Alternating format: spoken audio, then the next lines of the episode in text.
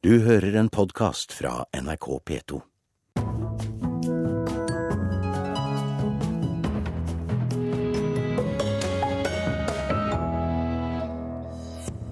Jon Fosse fremdeles blant favorittene til nobelprisen i litteratur, ifølge bettingbyrå. I dag kunngjøres vinneren. Å skrive bok om Øygard-saken er å lage underholdning av en straffesak, mener Juristforeningen. Viktig bok, sier forlaget. Og i 40 år har han preget norsk samtidskunst. I dag åpner Kjell Nupens jubileumsutstilling i Oslo.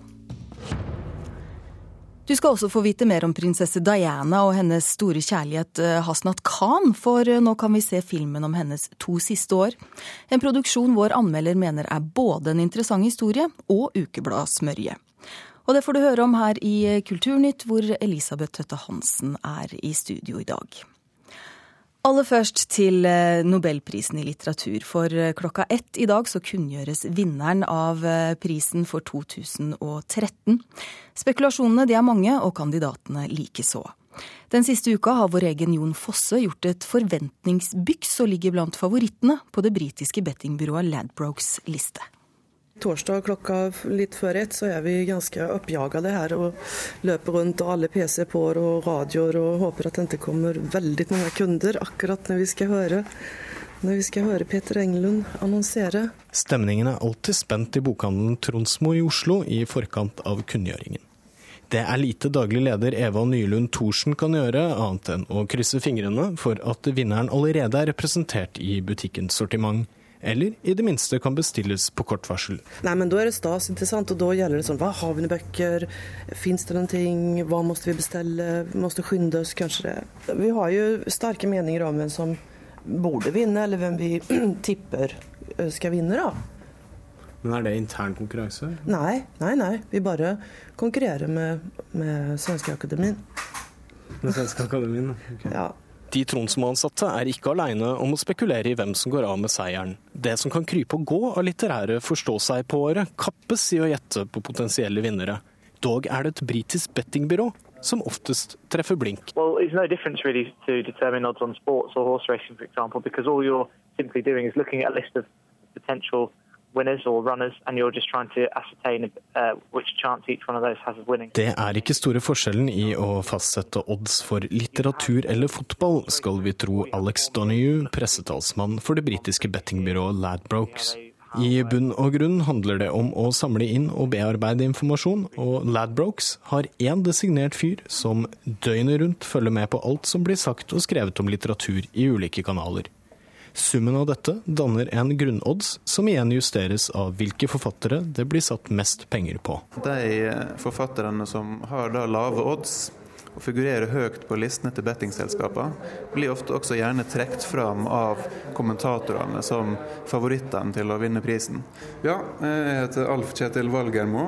Jeg er kommentator og kritiker i Vårt Land. Jon Fosse var jo en av de som lå nede i et felt eh, blant en del andre norske forfattere, på ca. 100 i odds. Der finnes vel også Karl Ove Knausgård, Per Petterson, Merete Lindstrøm og Kjell Askildsen. Mens Jon Fosse nå bykser oppover. Dette har da med å gjøre at eh, det kom en del store pengeplasseringer på Jon Fosse for en stund siden, og da justerer oddsen seg i takt med det. Bettingbyråer er kanskje ikke kjent for å ha spesielt god teft for litteratur, men i de åtte åra som har gått siden Labbrokes åpna for litterær gambling i 2005, har de truffet blink i 50% av tilfellene. Valgermo ser ikke bort ifra at også årets vinner gjemmer seg et sted i toppen av byråets liste. For de eh, forfatterne som har lave odds i år, så er det jo ganske sannsynlig at en av disse vil få nobelprisen eh, enten om ikke i år, så et eller annet år om ikke så lenge. Så både Murakami, Joyce Carol Oates, Peter Nadas, Alice Munro.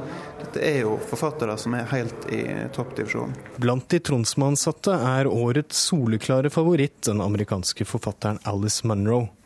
Medarbeider Bjarne Robbestad håper like fullt på norsk seier. Du har veldig stor tro på Fosse, du Bjarne? Eller du, du skulle ønske at han fikk? Ja, tro på han uh, som en norsk kandidat. Men uh, kanskje ikke nødvendigvis i år, men på sikt så tror jeg det.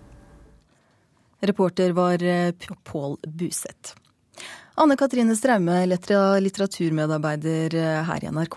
Hva tror du om Jon Fosses sjanser? Nå ligger han som nummer seks på dette britiske bettingbyrået Ladbrokes liste. Ja, jeg tror uh, Uavhengig om han hadde vært på denne listen eller ikke, så tror jeg at han har uh, store sjanser. Fordi han har et så bredt uh, og spesielt forfatterskap.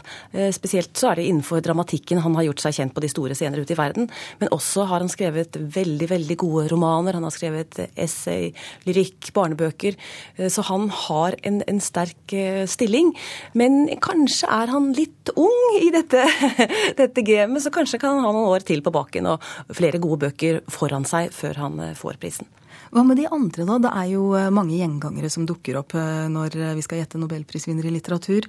Og den japanske forfatteren Haruki Murakami, han var på alles lepper i fjor også. og han er langt langt oppe på listene. Topper Ladbroke. Ja, og Det tror jeg eh, skyldes at han er en veldig populær forfatter. Det er mange som kjenner til forfatterskapet hans, både i Japan, hvor han jo er en skikkelig sånn superstjerne, men også ute i Europa. Før så var han en litt skjult kultforfatter, og så tok det helt av. Så han selger veldig godt i mange land. Mange kjenner seg igjen i litteraturen hans fordi han skriver både lett og flytende. Han skriver om et menneske som har utfordringer i denne verden som blir stadig mer ja, kanskje den blir mindre, den blir i hvert fall mer global. altså Vi kjenner igjen de samme referansene til musikk, til film, teater. Han har en blanding av realisme og magi som mange setter pris på. Um, men jeg tror først og fremst at um, det er fordi at folk uh, liker litteraturen hans, og ikke fordi at Svenske Akademien nødvendigvis har han som sin favoritt. Hva med, hva med andre? Vi har flere. Kanadiske Alice Monroe uh, f.eks. Hun er uh, også et hett navn? Hun har ligget på listen i veldig mange år, og det er også fordi at hun snakkes om i litterære kretser. Hun skriver noveller av absolutt ypperste verdensklasse, og det har hun gjort gjennom 50 år. Jeg tenker at eh, ingen vil protestere hvis hun skulle få prisen. Det ville vært veldig fortjent. Hva med litt mer eh, ukjente navn, eh, kanskje for denne lista? For altså, i, i, går så vant den tyrkisk-kurdiske forfatteren Yazar Kemal Bjørnson-prisen for 2013. Hva med hans navn eller andre kandidater, da? Ja, Hvis man ser på ulike um, sånne bettinglister, så er det forskjellige navn som dukker opp. Og en del navn som har vært med i fjor, er kanskje ikke med i år. Og det kommer nettopp av at folk snakker om dem akkurat nå fordi de kanskje er aktuelle, har en ny bok osv. Så, videre. så folk som ikke er på disse listene, har absolutt like stor sjanse. Og vi her i NRK har noen gang blitt overrasket, tatt litt på sengen, fordi at vi har forberedt oss på å liksom tenke at ja, men da, nå ligger hun høyt oppe og sånn. Og så kommer det plutselig et navn som ingen har snakket om i lang tid. Og det er f.eks. da Doris Lessing Lessing fikk prisen. Hun var liksom avskrevet fordi hun nå var blitt så gammel, var ferdig med sitt store forfatterskap. Hadde hun ikke fått den på 70- og 80-tallet, så var det for sent. Men der kom hun. Så, så vi vet aldri hvordan uh, akademien tenker. Dermed kan Kemal altså være et uh, mulig navn. Men hva med deg selv, hva er din uh, personlige favoritt? Min favoritt er Alice Munro, den canadiske novelleforfatteren. Og det er fordi hun skriver fortellinger som på en måte vokser utover seg selv, og som blir sittende etter at hun er ferdig med historien. Hun skriver ofte om et lite brudd i et liv, et lite valg, en vending som får livet til å endre seg, rett og slett. Så novellene hennes de, de blir nesten som små romaner. Uh, Tittelen på en av bøkene hennes kan si litt om hva hun har skrevet om. Den heter altså 'Uvennskap, vennskap, forelskelse, forlovelse, ekteskap'. Og hun kunne også ha skrevet 'skilsmisse'. Og om hun vinner, eller uh, hvem det nå blir, det får vi vite klokka ett i dag. Takk skal du ha, Anne Katrine Straume, litteraturmedarbeider i uh, NRK.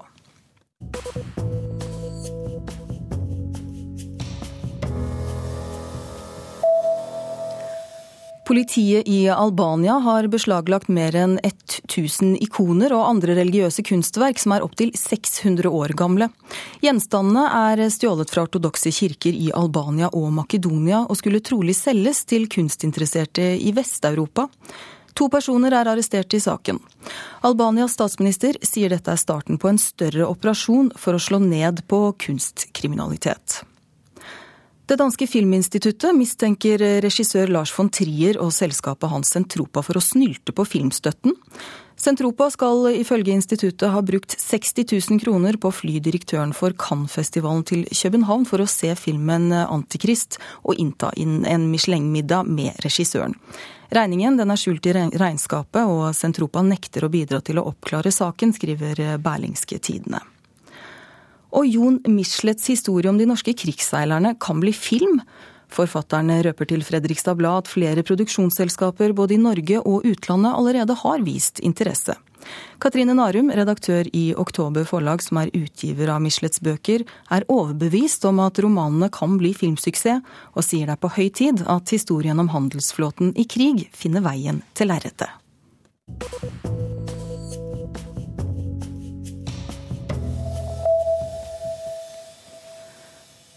I dag kommer boken om historien bak overgrepssaken i Vågå, hvor tidligere ordfører Rune Øygard er dømt i Høyesterett til to år og tre måneders fengsel. Boken vil skape ny og uheldig belastning for lokalsamfunnet og de involverte parter, mener Juristforeningen, som frykter en utvikling hvor alvorlige straffesaker blir gjort til underholdning. Min første innskytelse er at dette er problematisk. Kurt A. Lier, president i Juristforbundet, syns ikke noe om at boka om Øygard-saken fra i dag blir å finne i bokhandlerne. Rune Øygard dømmes for overtredelse av straffelovens paragraf 196. Den tidligere Vågå-ordføreren har i tre rettsinstanser blitt dømt for seksuelle overgrep. I boka 'Ikke si det til noen' går forfatter Jon Gangdal inn i Øygard-saken og forholdet mellom den høyt respekterte ordføreren og den unge jenta. Det hadde vært bedre om saken var blitt glemt, etter min oppfatning. Ifølge Lier vil boka, som har fått undertittel 'Historien om et barn, ei bygd og en ordfører', bli nok en belastning for lokalsamfunnet i Vågå og den fornærmede jenta. Den vil skade lokalsamfunnet ytterligere, den vil kunne skade jenta ytterligere. I boka kommer den fornærmede jenta sjøl til orde, mens verken Øygard eller hans nærmeste har ønska å bidra til utgivelsen. Det syns Lier i Juristforbundet er nok en grunn til at boka ikke bør gis ut. Og Det er problematisk når en person forteller sin historie fullt ut, uten at noen kan ta til motmæle. Eh, og det vil på nytt, altså Vi vil føle behov for å ta til motmæle, og da vil dette dra saken opp på nytt. Det er en svært viktig bok. På et møterom i Gyldendal Forlags innerste ganger, omgitt av hyllemeter på hyllemeter med forlagets utgivelser, sitt Bjørn Olav Jahr, og jeg er redaktør i Gyldendals sakprosaavdeling. Han syns ikke kritikken fra Juristforbundet er berettiga. Altså, jeg skjønner egentlig ikke helt hvorfor den kritikken kommer, men hvis ikke man skal kunne beskrive hva som foregår, men la alt foregå bak lukkede dører, og ikke gå inn i den materie som jo faktisk her foregår, her, her skjer det overgrep, så mener jeg da gjør ikke vi vår jobb. For Gyldendal Forlag er denne boka derfor en viktig utgivelse. Dette er et samfunnsoppdrag for forlaget, å være med på bøker som dette. Fra Gyldendalskontora er veien kort til nærmeste utsalgssted, som snart vil få den ferske boka i sine hyller. Kundene hos bokhandlerne på Karl Johan i Oslo føler imidlertid ikke behov for å lese om Øygard-saken i bokform. Jeg kommer nok ikke til å kjøpe den. Um, nei, jeg føler jeg har fått dekket nok, egentlig. Jeg vil ikke, vil ikke lese den boken selv. Jeg vil ikke det. Jeg tror nok det meste har kommet frem. Jeg tror folk er metta. Ja. Straffesaker som Øygard-saken får enorm oppmerksomhet i media. Og Kurt A. Lier i Juristforbundet mener man nå ser en tendens til at alvorlige forbrytelser blir fremstilt som underholdning. Ikke minst ser man det at, at en god del kriminelle fremstår som kjendiser. Eh, og det er ikke bra. Det er med på å alminneliggjøre forbrytelser. Eh, og det er også med på å gjøre saken til eh, nærmest en episode av, av Paradise Island eller noe lignende. ikke sant? Ja. Gyldendal Forlag syns imidlertid det er viktig å gå inn i straffesaker utover det som kommer fram i mediedekningen. Altså, det å ha et kritisk syn på rettsvesenet i Norge og på en måte gå inn på saker som Og ikke bare ta for gitt det som kommer ut fra retten er det korrekte, men gå inn og gjøre kritiske analyser og gå inn og gjøre egne vurderinger, det tror jeg er svært nyttig. Rune Øygards forsvarer Mette Yvonne Larsen har ikke ønsket å kommentere boken overfor NRK Kulturnytt. Reporter var Helga Rognstad. Klokka er 17 minutter over åtte. Dette er Kulturnytt i Petos Nyhetsmorgen, hvor de viktigste nyhetssakene nå er at opprørere har bortført statsministeren i Libya. Det er en dårlig idé å nekte familier å være sammen under pappapermen, mener forsker. Og mange skjemaer må fortsatt fylles ut for hånd. Det er langt igjen før det offentlige er helt på nett, viser kartlegging. Så skal vi til Kjell Nupen, for gjennom 40 år så har den intense blåfargen hans preget malerier og kunstverk i glass, stein og keramikk. Og i dag så markerer han sin, sitt store jubileum med en dobbeltutstilling i hovedstaden. Og billedkunstner Kjell Nupen, uttrykket i verkene dine har endret seg fra da du startet på 70-tallet med maktovergrep og undertrykkelse som viktige temaer, og fram til et kanskje mykere uttrykk i dag. Hvordan har utviklingen vært? Det er klart at det er et barn av på en måte 70-tallet, og hvor eh, man arbeider med kunst på en litt annen måte eh, enn det man kanskje gjorde på 80- og 90-tallet. Så det var nokså naturlig at jeg fulgte som student de trendene som var som var vanlige, eller som var, man, som var toneangivende både i, i, i, Oslo og i Tyskland, der som jeg, der som jeg jobber. Så, men, men, jeg har jo brakt med meg synes jeg, veldig mye av den eh, Når jeg ser denne utstillingen, det er jo verk her jeg ikke har sett på 30-35 eh, år, så ser jeg jo eh, den samme, litt av den samme kloa som også var på 70-tallet, ser vi også i de nye tingene. Ja, for du, Din utstillingen du nå skal ha, der er det verk du selv ikke har sett på så lang tid? Ja, altså det fins vel faktisk også verk jeg ikke har sett siden 1974, tror jeg. Hvordan blir det å se dem igjen nå, da? Ja, det er jo en uh, Altså, jeg har jo sett foto av de og sånt, men, men uh, Nei, jeg gleder meg til det. Men, men, den veien din da inn i, i, kunsten for 40 år siden, når du begynte som, som utøvende kunstner, hvordan starta det? Det starta vel med at jeg hadde ikke så enormt stor kunnskap om hvordan det Eh, ut, eller, eh, utdanningssystemet var i Norge, så jeg reiste jo til Oslo som 16-åring eh, og, og, trodde jeg søkte på Kunsthåndverksskolen. For det hadde jeg hørt om, men det viste seg at det var Kunstakademiet. Og så kom jeg inn der. Jeg var jo altfor ung, så jeg måtte bruke noen andre eh, måter for å liksom på en måte få lov til å, å starte der. For jeg hadde, jo, jeg hadde gjennomført en opptaksprøve, og de hadde tatt meg inn. Du, du starta med malerier. Ja. Men så har du jo også jobba med, med, glass og keramikk og, og grafikk. Hva, hva slags, hvilken av materialene føler du at du er mest komfortabel med?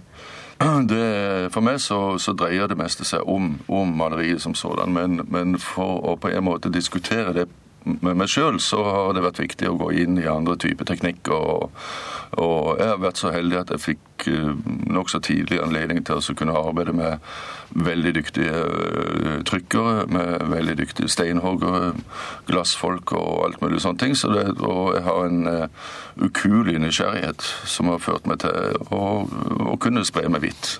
Ja, Hva har den nysgjerrigheten gjort med, med, verkene dine, da? Nei, Det har vel gjort at jeg har fått lov til å kunne eh, skrape litt i eh, eh, Ikke bare i overflaten, men å gå i dybden av det jeg holder på med. Og vært, mm, gitt meg muligheter som, eh, eh, til å fortolke mitt arbeid på eh, en måte i forskjellige, i forskjellige materialer som, som har vært befruktende for mitt maleri. Men når du sier å gå i dybden, hva, hva, tenker du da egentlig, eller hva mener du da? Da mener jeg vel kanskje det at jeg er jo, øh, er jo mer opptatt av kanskje fordypning enn det spektakulære i mine bilder. Hvis du ser mine bilder over lang tid, så kan de tilsynelatende virke temmelig kjedelige. For det er jo arbeider jo stort sett med samme, den samme problematikken hele tida, men, men, på en måte skrape og lage erkjennelse men du sier altså at bildene dine tilsynelatende kan oppfattes som kjedelige. Altså, det er jo enkelte anmeldere som har ment at kunsten din er eh, ren dekorasjon. Hva, hva tenker du om det?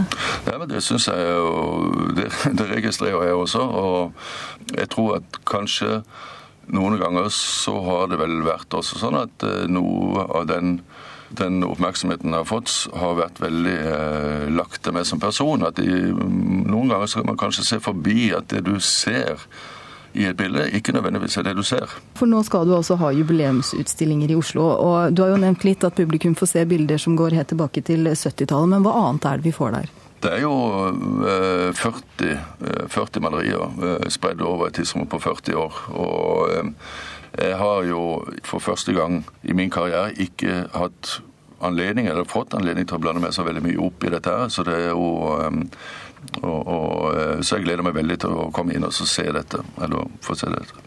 Ja, og jubileumsutstillingen din den åpner, åpner altså i dag. Takk skal du ha, billedkunstner Kjell Nupen.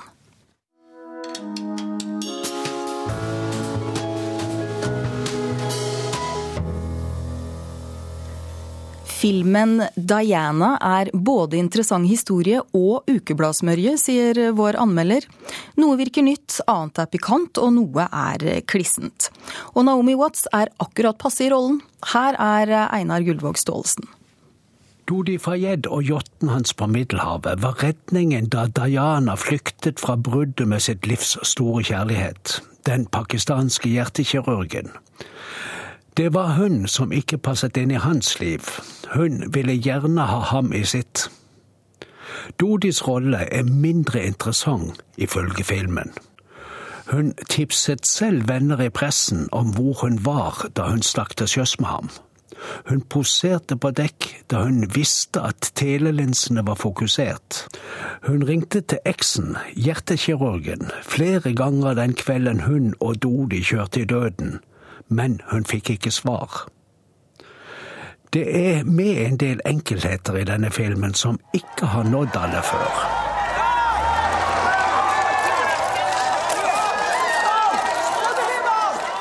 Men Diana, filmen, er ukebladsmørje også. Den krydrer og sminker, den spisser, den forteller underholdende om de mange utfluktene og kamuflasjetiltakene hun og kjæresten brukte for å være i fred for pressen. De klarte en del.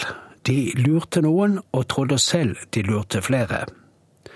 Parykken hun skaffet seg, kamuflerte henne godt. Hun traff hjertekirurgen under et tilfeldig og privat sykehusbesøk. Den første flørten er rekonstruert i filmen. What do you eat? There's a canteen on the ground floor, but it's not open late. We could always pop round the corner for supper with me. Hvor spiser du når du er på jobb? Jeg spiser gjerne i sykehusets kantine, men den er ikke åpen om kvelden og natten, svarer han. Du kan komme innom til meg og spise, det er jo like ved. Er det åpent der, da?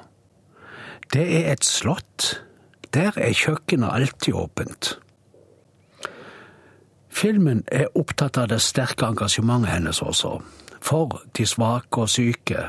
Mot landminer. Det blir vi også engasjert av. Mange sider ved filmen engasjerer, men på ulikt vis. Noe er søtt, annet er sladder. Mye er ordentlige følelser. Det er scener som presser tårene. Det er tilfellet når hun møter lidende mennesker og rekker dem hånden med en medmenneskelighet som ikke er innlært. Do you think Mrs. Parker Bowles was a factor in the breakdown of your marriage? Well, there were three of us in this marriage, so it was a bit crowded. Filmskaperen som har fått Stephen Jeffreys manuskript opp på lerretet, er den seriøst arbeidende tyske regissøren Oliver Hirschspiegel. Det var han som laget Hitler-dramaet Der Untergang. Den er en av de mest minneverdige tyske filmene fra siste tiår. Hirschspiegel brenner ikke like sterkt for denne oppgaven, men jeg synes resultatet er akseptabelt. Ja, det var Einar Gullvåg Staalesen som anmeldte filmen om prinsesse Diana. Bergensarkitekturen henger etter. Det mener både arkitekter og forskere som synes de andre storbyene i Norge slår Bergen i nyskapende og fremtidsrettet arkitektur. Hvis man ser på f.eks. disse prosjektene her, som bare et utdrag av eldre prosjekter fra Amsterdam til de helt dagsferske prosjektene. Mm. Så det er klart at her tør jo man å, å, å, dra det mye mye lenger ut. Leder i Bergen arkitektforening Jørgen Grahl Madsen var i Amsterdam for en stund siden. Han er begeistret over hvordan de har klart å bygge i den byen. Her er det helt klart at her tør man mye mer. Grahl-Madsen sier at arkitektur i byen mellom de syv fjell ligger bak Oslo og andre norske storbyer. Det er jo bare å se. Stavanger har helt klart tatt et ønske om å uttrykke seg som en, som en viktig by, og har gjort mye innenfor arkitekturen. Og enorme store utbyggingene som skjer i Oslo for øyeblikket. Det er klart at eh, ja, det er gode økonomiske tider, men det er jo også andre årsaker til at man ønsker å, at Oslo skal fremstå som en moderne by. Et eksempel han viser til er Rockheim i Trondheim. Det nasjonale opplevelsessenteret for pop og rock. Bygget er en kombinasjon av en gammel lagerbygg fra 1920 og nybygg, med den høyteknologiske lysboksen på toppen. Slikt kunne aldri vært bygd bygget i Bergen, sier han. Hadde vi tørt å sette et moderne hus oppå et gammelt hus i Bergen, jeg tror det har vært vanskelig å få til. Marianne Skjulhaug, instituttleder ved Arkitektur- og designhøgskolen i Oslo, har hatt fartstid i Bergen i 17 år. Hun sier at arkitekturen i Bergen har stoppet opp. Tradisjonelt, hvis vi går tilbake i historien, så kan Bergen vise til fantastiske byggverk. Og så er det akkurat som om det har stoppa litt opp når vi kommer opp mot vår tid. Så er det som om ambisjonene har forsvunnet, eller evnen eller viljen til å bygge like storslått og interessant ikke er sterkt til stede. Som tidligere rektor ved Bergen arkitekthøgskole visste hun ikke hva hun ville vise frem til utenlandske arkitekter da de ville besøke Bergen. Og da må jeg innrømme at det var ikke så superenkelt å finne mange gode eksempler. Altså. Allerede bare Stavanger kan jo framvise langt flere eksempler på utprøvende, utforskende og interessant samtidsarkitektur. Siri Skjold Lekshaug, kunst- og arkitekturhistoriker ved Universitetet i Bergen, sier at det skjer mye interessant i Vestlandets hovedstad. Jeg syns ikke at Bergen står så spesielt tilbake. For det skjer veldig mye i Bergen, og det reises store anlegg. Det bygges mye av bra og grei kvalitet. Men lite er fremtidsrettet, mener hun. Men i forhold til andre byer, så tenker jeg at det som gjøres i Bergen nå, kommer neppe til å stå igjen i en, ja, en sånn hall of fame i norsk arkitekturhistorie. Reporter Reynold Tennison Christoffer, produsent Vida Sem, tekniker Beate Haugtrø og i studio Elisabeth Tøtte Hansen. Du har hørt en podkast fra NRK P2.